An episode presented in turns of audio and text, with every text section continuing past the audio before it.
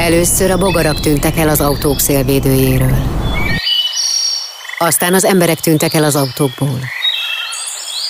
Később a madarak hallgattak el. Közben a megmaradt medvék lakmároztak a konyhai szemetesből. Rettegve szűkítettük életterünket, hogy aztán már semmit ne nevezhessünk élettérnek. Ha nem erre a filmre vett jegyet, hallgassa az Érdefem 1013 zöld magazinját. Minden hétfőn délután kettőtől Ölvedi Rékával az Érdefem 1013-on. Zöldövezet. Gondolkodjon globálisan, cselekedjen lokálisan. Üdvözlet a zöldövezetben, Ölvedi Réka vagyok. Ma is globálisan gondolkodunk és helyi cselekvésre ösztönzünk, hogy érden továbbra is jó, sőt, egyre jobb legyen élni.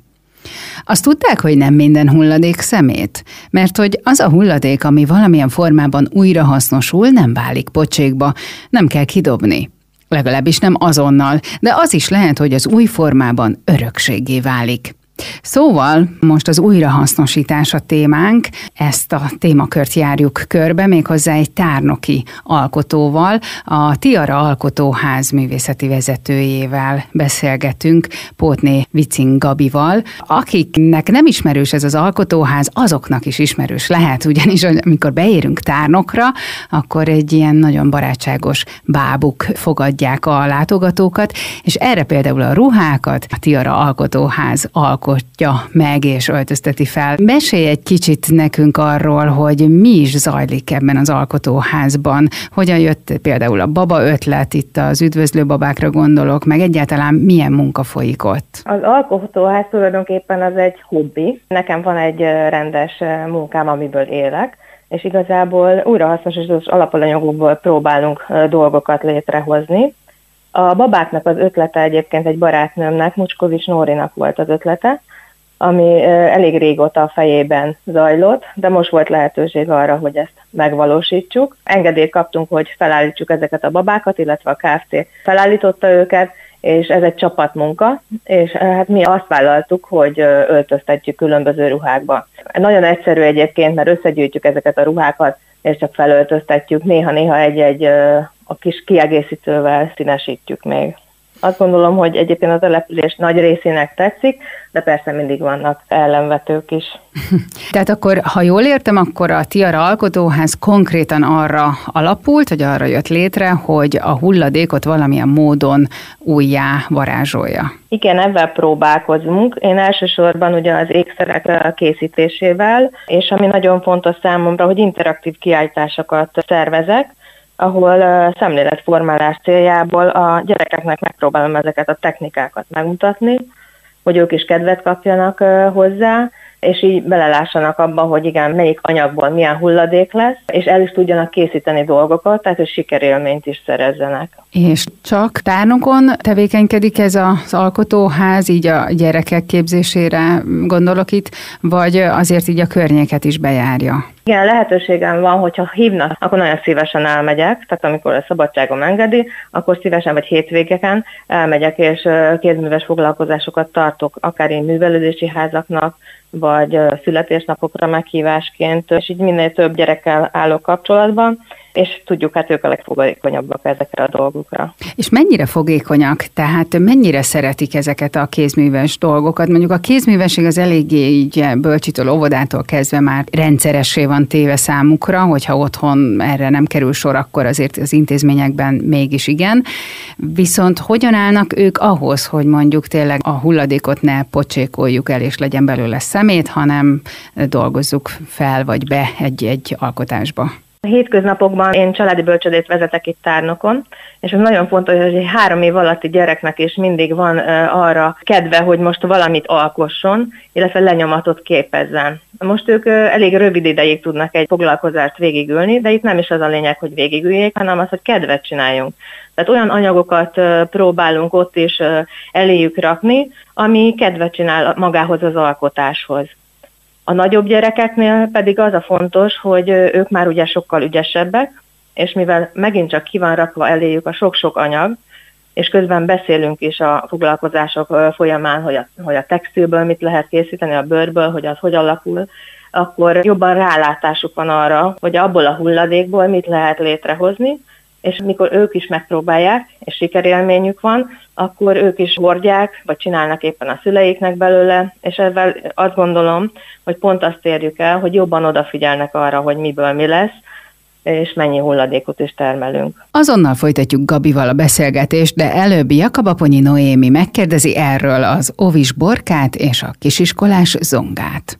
Ti szoktatok az oviban valamit csinálni a hulladékokból? Hát, szoktunk a WC papírból. A gurigából? A gurigából. Miket?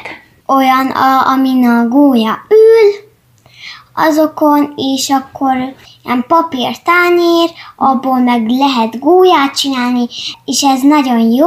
És ilyeneket itthon is szoktál csinálni? Igen, szoktam WC papírból embereket, meg állatokat, meg még nem annyira tudom, te majd tervezek még virágokat. És szereted ezeket csinálni? Igen, szerettem. Onnan jött ez az ötlet, hogy ö, egyszerűen, hogyha elfogy a szalvéta, akkor A gurigából. a gurigából, akkor csináltam belőle egy ovónőt. Aztán meg lett egy gyerek, kettő gyerek, három gyerek, aztán meg sorra többi. És most meg már egy egész És most kiállítás már van. ez egész kiállítás van, csak még nem olyan sok ilyen kevéske. Zongikat ti szoktatok a suliban valami hasonlót csinálni? Mi az óvéban emlékszem rá, hogy ott is csináltunk, mi is ilyen tányérból nem gólyát, hanem mi bohócot csináltunk. Meg egyszer volt egy olyan az iskolában, hogy WC papírból csináltunk ilyen malacot, állatokat új évre, meg mi mindent amúgy újra hasznosított papírból csinálunk az iskolába. Szilvi néni ezt mondta. Meg otthon um, például a dobozból én ugye költözünk, és sokszor szoktunk dobozokba tenni, rakozni, meg ugye zacskókba, de én általában a dobozokból vágok egy-egy lyukat, és vagy tévének, vagy bábszínháznak használom őket. Az iskolában még ott is néha szoktunk ilyen tányérból csinálni ilyen állatokat, vagy ilyesmit, meg most a földnapjára is, ugye online tanuláson úgy kellett kivágni a földgömböt, hogy azt a tányér, Papírtányérból? papírtányérból. És mi csináltunk a földnaprára egy olyan virágot, ami közben föld. Az is És- papírtányérból És az is papírtányérból. Az anyukám rajzolta meg a darabot, A földrészeket? a földrészeket, én meg kiszíneztem, és raktam oda szemet, szájat, és lett neki szára is, és nagyon-nagyon szép. És szírmai lettek és körülötte. szírmai lettek, és a nyáron egyszer voltam balettáborba, és ott sokat újra hasznosítottak, a kis ilyen fénydarabkákból balerina táncosból lehet csinálni, és az a szoknyája, a muffinnak tudod, az a papír darabkája, és egyszer csináltunk egy olyat, hogy volt egy pohár, és ráraktunk egy békát, és rajta volt egy régy a madzagon, az gombokból csinálták, és így bele kellett Dobni? dobni a pohárba, ami a béka, a, a legyet. A két tündéri kislány, Borka és Zonga egyébként Jakabaponyi Noémi gyerekei közül kettő. Őket hallották most az ovis és iskolai újrahasznosításról. Most zenélünk egyet, aztán folytatjuk tovább Pótné Vicin Gabival, a Tárnoki Tiara Alkotóház művészeti vezetőjével. Érd nagy részt kertváros. Aki itt él, ezért lakik itt. Ha valaki ezért lakik itt, akkor nem lehet mindegy neki, hogy mivel milyen kárt okoz a természetben. Zöldövezet. Gondolkodjon globálisan, cselekedjen lokálisan. Az Érdefem 1013 zöld magazinja Ölvedi Rékával minden hétfőn délután kettőtől. Most újra hasznosítunk, hogy ne pocsékoljuk el a hulladékainkat, mert hogy nem minden hulladék válik vagy válhatna szemétté.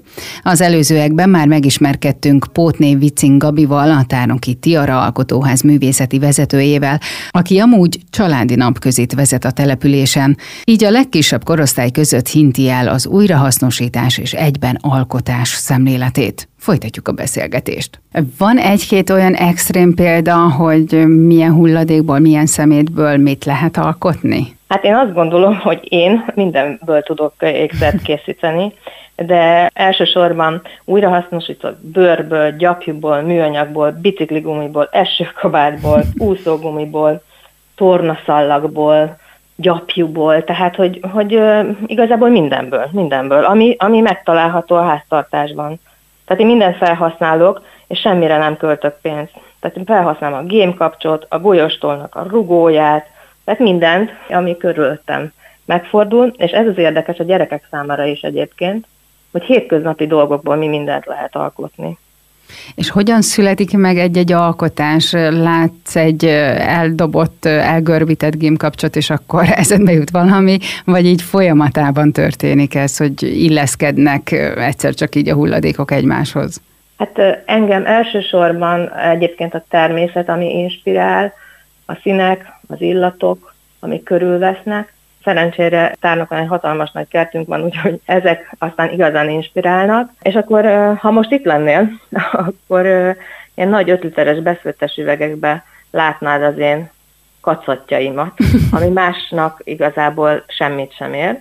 Viszont én színek szerint ezeket így szétválogattam, és amikor valamilyen inspirációt érzek, akkor tudom, hogy mihez nyúlok, és mivel kezdek el dolgozni. Most így a karanténos időszak vége felé közeledünk talán, reményeink szerint. Készülsz-e valami dologgal már most, vagy, vagy egyelőre még így online éred el a közönségedet, vagy a, az érdeklődőket? Több kiállításom is lett volna egyébként, ha most ez a karantén dolog nem kerül ide elénk de nagyon érdekes, hogy ezek az alkotások számomra egy ilyen én időt jelentettek a ruhanó hétköznapokban. Ez olyan, mint másnak mondjuk egy kávé. Ilyenkor így, így feltöltöttem tőle. Viszont most, hogy a karantén idején így ránk szakadt ez a nagy semmittevés, valahogy a kreativitásom is így, így ezekhez elmúlt. Tehát, hogy egyetlen egy darab ékszert nem készítettem most, ezekben a hetekben. Viszont sok más mindent csináltam, többek között a kertet, a szívecskéket, a madarakat, tehát hogy sok mindent, de a ékszert azt, azt valahogy nem készítettem. De hát a kertben bőven ki lehet művelni a kreativitásunkat. Igen, mindenképpen. Pont ezért már nagy a kertem, és sokkal többet foglalkoztam a növényeimmel. Tehát ez inkább inspiráló volt most számomra, mint az, hogy egy ékszert. És az is biztos, hogy hozzátartozik, hogy hát tudom, hogy, hogyha kimegy az ember, tehát ha elhagyja az otthonát, akkor maszkot kell felvenni, tehát nem vehet fel egy ékszert, hiszen minél egyszerűbben kell elindulnunk otthonról. Hmm. A fertőtlenítések miatt. Igen, vagy hát most az új ékszerünk a maszk.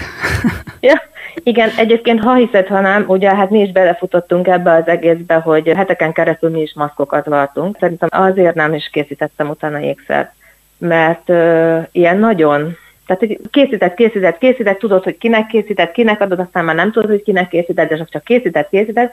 Annyira monoton volt az egésznek a, az előállítása, hogy már írtam is a lányoknak, hogy hát én most már rárakok egy kis fodrot, egy kis csipkét, egy kis gombocskát, én most már kihímezem.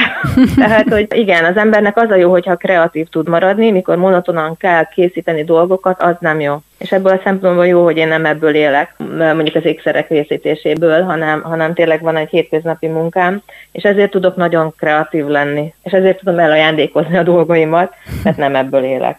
Közben itt elbambultam, mert a Facebook oldaladon néztem, hogy a golyócskát hogyan készítetted, és annyira, ja, igen, ez annyira elmerültem benne. Nagyon, tehát ezt azt gondolom, hogy csak én csinálom egyébként, és a gyerekek nagyon-nagyon szeretik, és hogy az eljárás után nagyon sokféleképpen lehet felhasználni.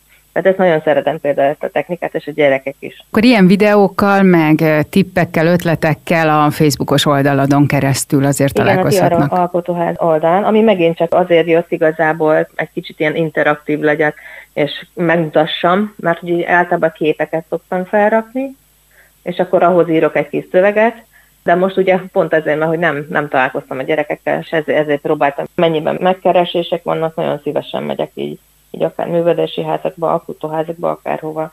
Hallották, Gabi szívesen megy és alkot bárhol, ahová hívják. Bízom benne, ezt a vírusveszély csillapodásával újra ki lehet majd használni. Potné Vicin Gabival a Tárnoki Tiara Alkotóház művészeti vezetőjével beszélgettünk. A folytatásban pedig a papírtáskák készítését vesszük szemügyre. Na nem a dísztasakokra gondolok. A zene után kiderül, hogy akkor mégis mire. Ez a Zöldövezet az Érdefem 1013 zöld magazinja Ölvedi Rékával. Továbbra is mentjük a hulladékot, azaz újra hasznosítjuk a legkülönfélébb módokon. Most papírtáskákról lesz szó. Na de nem azokról a dísztasakokról, amikbe ajándékot adunk át. Ennél kisé csavartabb az ötlet. Puskás Krisztinával, az Infinity Paper Design tulajdonosával beszélgetünk. Téged elég régóta ismerlek, egy munkakapcsolat mondhatni, mert hogy én jelentkeztem a te egyik tanfolyamodra, ami egy ilyen táska készítő tanfolyam, és nagyon tetszett ez az ötlet. Egy picit mesélj arról, hogy mit is készítesz, tehát miből készítesz táskát, meg eleve honnan jött neked ez az ötlet, hogy te találtad ezt ki, vagy, vagy honnan ered? Hát ez egy idén 8 éves gyermek lesz, ez a vállalkozás, akkor döntöttem úgy, hogy megpróbálok új értéket adni a kidobásra szánt dolgoknak, és mivel ez egy közismert technika, ezért én is a papír hulladékokkal kezdtem. Aztán azóta ugye itt az évek alatt a hát az elkészített termékek mentén, illetve a tanfolyamok mentén egyre több kapcsolatra tettem szert, és többek közt a, gyakorlatilag a megkereséseknek hála újabb anyagokkal tudtam bővíteni a repertoáromat, és akkor gyakorlatilag azok a dolgok, amik a technikára alkalmasak, azokban mind létre lehet hozni különböző tárgyakat, amik ugye pont amiatt, hogy újra hasznosítjuk, ezért nem kerül a hukába, tehát értéket teremtünk, és ezt hál' Istennek a megrendeléseim visszajelzéséből tudom, főleg amikor cégekről van szó, hogy ők ezt komolyan gondolják és szívesen áldoznak rá. Tehát nem csak magánszemélyek végzik el nálad ezt a tanfolyamot, és saját maguk kedvére, vagy ajándékozás céljára készítenek fantasztikus hát, Általában ez egy ilyen összetett dolog, hogy ugye magánemberként jön el, de közben rájön, hogy hú, hát nálunk a cégnél hegyekben áll a valami, megmutathatom-e azt neked? Igen, hogy nem megmutathatod. És akkor ugye egy következő lépcső, hogy megnézem az adott hulladékanyagot, és akkor ő pedig tovább gondolja, hogy nagyon klassz, akkor ahelyett, hogy mi neked adnánk ezt az X tonna hulladékot, mi lenne, hogyha eljönnél hozzánk, és akkor itt a házon belül a földnapja alkalmából, vagy egy környezetvédelmi nap alkalmából a kollégákat néhány órán keresztül foglalkoztatnánk azzal, hogy leültetjük egy, őket az asztalhoz, és akkor beavatni őket is ugye ugyanúgy a részletekbe, illetve a technikai forciókba, létrehozzanak ott egy kisebb-nagyobb dolgot, ahogy idejük engedi. Hm. Azt hittem, hogy csak ilyen megkeresések vannak cégektől, hogy akkor, tudom én, száz ezt és azt csináljál nekik, mondjuk kulcstartót. Előfordul, előfordul, igen, igen, ez is. Ugye például volt már, hogy könyvkiadó keresett meg, hogy a remitenda példányokat alakítsam át, és akkor ugye egy fali, hát nem egy, hanem hál' Istennek több darab fali óra keretébe eljutották azoknak a szerzőknek, akik megjelentek ezekben a könyvsorozatokban, tehát akár a papír, akár a reklámolino, akár az épületborító háló, hát ki milyen felületen hirdeted tulajdonképpen, és akkor ezeket a hulladékká vált anyagokat, ugyanakkor az aktualitásukat veszik, ezekkel próbálnak valamit kezdeni, de hál' Istennek nekem ez a tapasztalatom, főleg az elmúlt három-négy évben, hogy, hogy megindult a, a környezettudatos gondolkodás a cégeken belül is, és igénylik a kreativitást, igénylik, igénylik azt, hogy újrahasznosítás legyen benne, az pedig ugye külön előny, hogy semmilyen előképzettséget nem igényel, semmilyen technikai felszerelés nem kell hozzá, csak olló meg vonalzó, és, és mindenki meg tudja gyakorlatilag csinálni. A technikát már megismertük, a folytatásban pedig kiderül, miket lehet ezáltal alkotni, de előbb még zenélünk. Ez a Zöldövezet az Érdefem 1013 zöld magazinja Ölvedi Rékával. Egy különleges papírtechnikával ismerkedtünk meg a zene előtt, ugyanis most különféle újrahasznosítási módszerekről beszélgetünk, hogy minél kevesebb szemetet termeljünk. Haladunk tovább az Infinity Paper Design tulajdonosával, Puskás Krisztinával. És milyen remek művek készülnek mondjuk így nem céges szinten, hanem, hanem egyénileg? Milyenféle táskákat lehet elkészíteni? Csak hogy ugye egy picit szemléltessük így ugye a rádióhallgatóknak, hogy nehezebb elképzelni ezt a dolgot talán. Igen, ugye a kisebbek azok az ékszerek, amik ugye lehet karkötő, fülbevaló, medál kiegészítő, és hát ugye a női vonal azért mégiscsak erősebb. A táskák ugye azok gyakorlatilag pénztárcák, klacsok, alkalmi táskák, váltáskák, hátizsákok akár, mindenhez a felhasznált rendelkezésre álló hulladékanyag az egyik mutató, a másik, ami mondjuk a triplája, az pedig az idő. igen, igen, de, de mindez papírból, Kriszta? Tehát ez azért egy kicsit úgy, nem tudom, egy táska, igen. főleg egy hátizsák, azért nem egy papírból képzelnénk el, hogy igen, ez mondjuk igen, tartós. Hát, ugye ez nagyon érdekes, hogy egy a fejekbe valóban még akár telefonon is, akár rádión keresztül hallani, hogy papírtáska, akkor 10 9 ember az ajándéktasakokra azt Így van, igen. Hívjuk papírtáskának.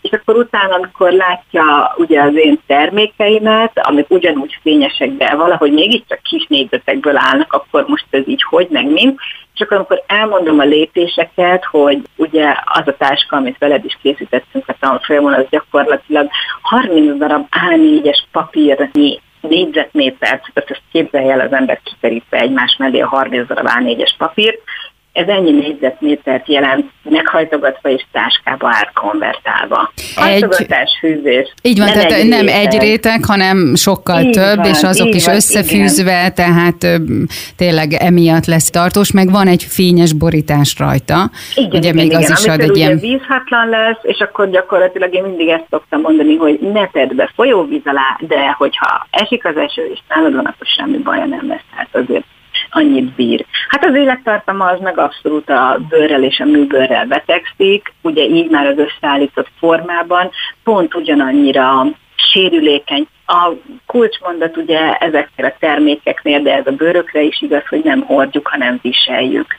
És szerintem ezzel mindent elmondtam. Főleg ugye akkor, hogyha az ember maga készíti, akkor még több szeretet van benne, tehát amikor érkeznek hozzám a tanulók hatalmas elszántsággal, május írunk, ugye, akkor ők elmondják, hogy kinek mit fognak készíteni karácsonyra. És én bólogatok, és szívmelengető mosolyan nyugtázom a döntésüket, és természetesen véges végig támogatom őket ebben.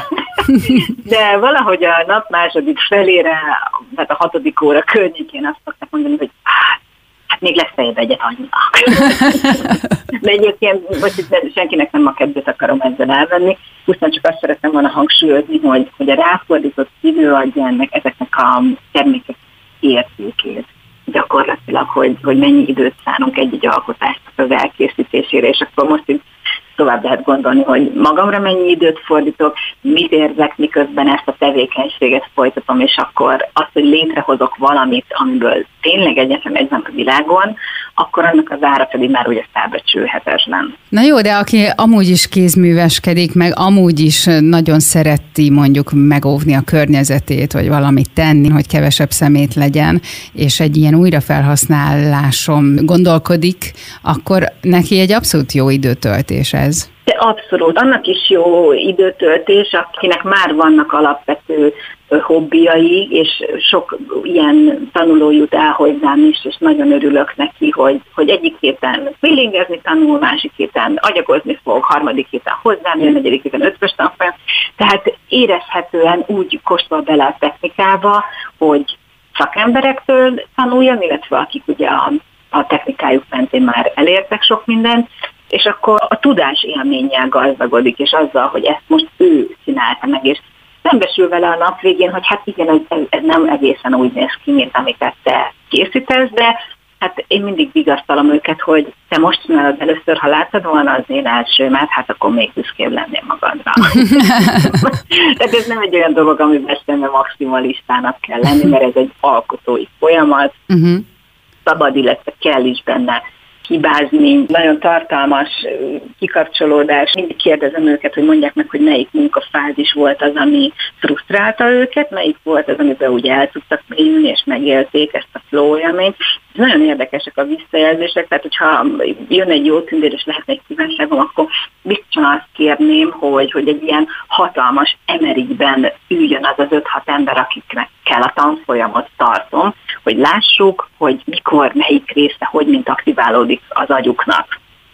De egy, egy nagyon-nagyon érdekes folyamat az, hogy, hogy a nap végére ugye letampulnak teljesen, hullafáradtak lesznek, azt szokták mondani, még olyan, mintha maratont futottak volna, vagy az az érzésük, hogy egy japán szemináriumon vettek részt, hogy akartak figyelni, csak nem voltak hozzá képességük. És hogy ez a hullafáradtság, ez, ez vajon miből jön, miközben én ezt csinálom napi 8-10 órát, és ugye nem én vagyok Wonder Woman, tehát hogy nálam vajon melyik idegpályák erősödtek, acélosodtak itt meg az évek alatt, ami most viszont nekik felfesdült, és, és érdekli őket, és jó érzés. Mint amikor kirándulás után hazaérsz, és belezuhant a fotelbe. Tehát ez nem azt jelenti, hogy nem mész többet kirándulni, hanem ugye azt, hogy eszméletlen jó dolgot csináltál, és jó esett. Tehát ugyanezt érjük el a technikával gyakorlatilag egy helyünkbe, és ugye, hát most muszáj egy kicsit a, a, a technikát fényeznem, hogy míg a, az egyéb kézműves tevékenységek sokszor ugye igen erős anyagi vonzattal bírnak, hiszen ha szeretnék egy dekupázsolt fa zsebkendő tartót, akkor meg kell vennem a ragasztót, a tartót és, ezt, és egyebeket. Míg itt ugye ennél a technikánál gyakorlatilag minden szükséges alapanyag az otthon van. Hát köszönjük szépen, Kriszta. Remélem meghoztuk egy-két embernek a kedvét, ha máshoz nem, legalább ahhoz, hogy nézzen utána, hogy milyen táskák is készülhetnek, vagy milyen eszközök. Így van, igen, igen, igen, megtalálnak engem a Facebookon, most már szerencsés helyzetben vagyok, hogy a keresőbe is, ha beírnak, akkor az első találatban megtalálnak, úgyhogy itt egy-két kulcsot, ha elcsíptek, akkor előbb-utóbb összefogunk. Milyen kulcs szavakra lehet keresni, hogy téged a, ma, a maja hajtogatási technika, az mindenképpen, és a, a papírtáska. A márkámnak a neve az, az, hogy Infinity Paper Design, és ugyanezen a néven fut a honlapom is, illetve a Facebook oldalam is. Puskás Krisztinával beszélgettünk. Most zenélünk, és a folytatásban textil szobrászkodunk. Csak egy nejlonzacskó. Ártalmatlan dolog. Valahogy haza kellett hoznom a bevásárlást. Ez meg egy üdítős plakon. Ugyan már veszélytelen. Mindenki kidobja. A szemetesek elviszik. Ha szeretné, hogy az élővilág megmaradjon, nem szemetelhet tovább. Az Érdefem 1013 zöld magazinja Ölvedi Rékával minden hétfőn délután kettőtől próbál segíteni a helyes döntések meghozatalában. Zöldövezet. Gondolkodjon globálisan, cselekedjen lokálisan. Érdefem 1013. Érden jó.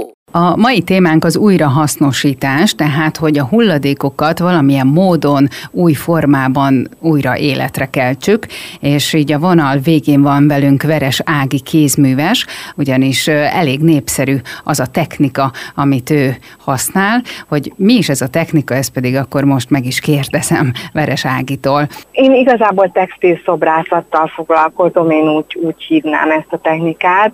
Különböző anyagokat, dolgokat, dolgozok fel, de nem csak textil, tehát azért jó ez a technika, mert gyakorlatilag egy háztartásban nincs olyan, amit, amit ki kell dobni, mindent tárolok kis dobozokba, és mindent egyszer majd valamire fel tudom használni. Ez ismerős készítek, helyzet, igen.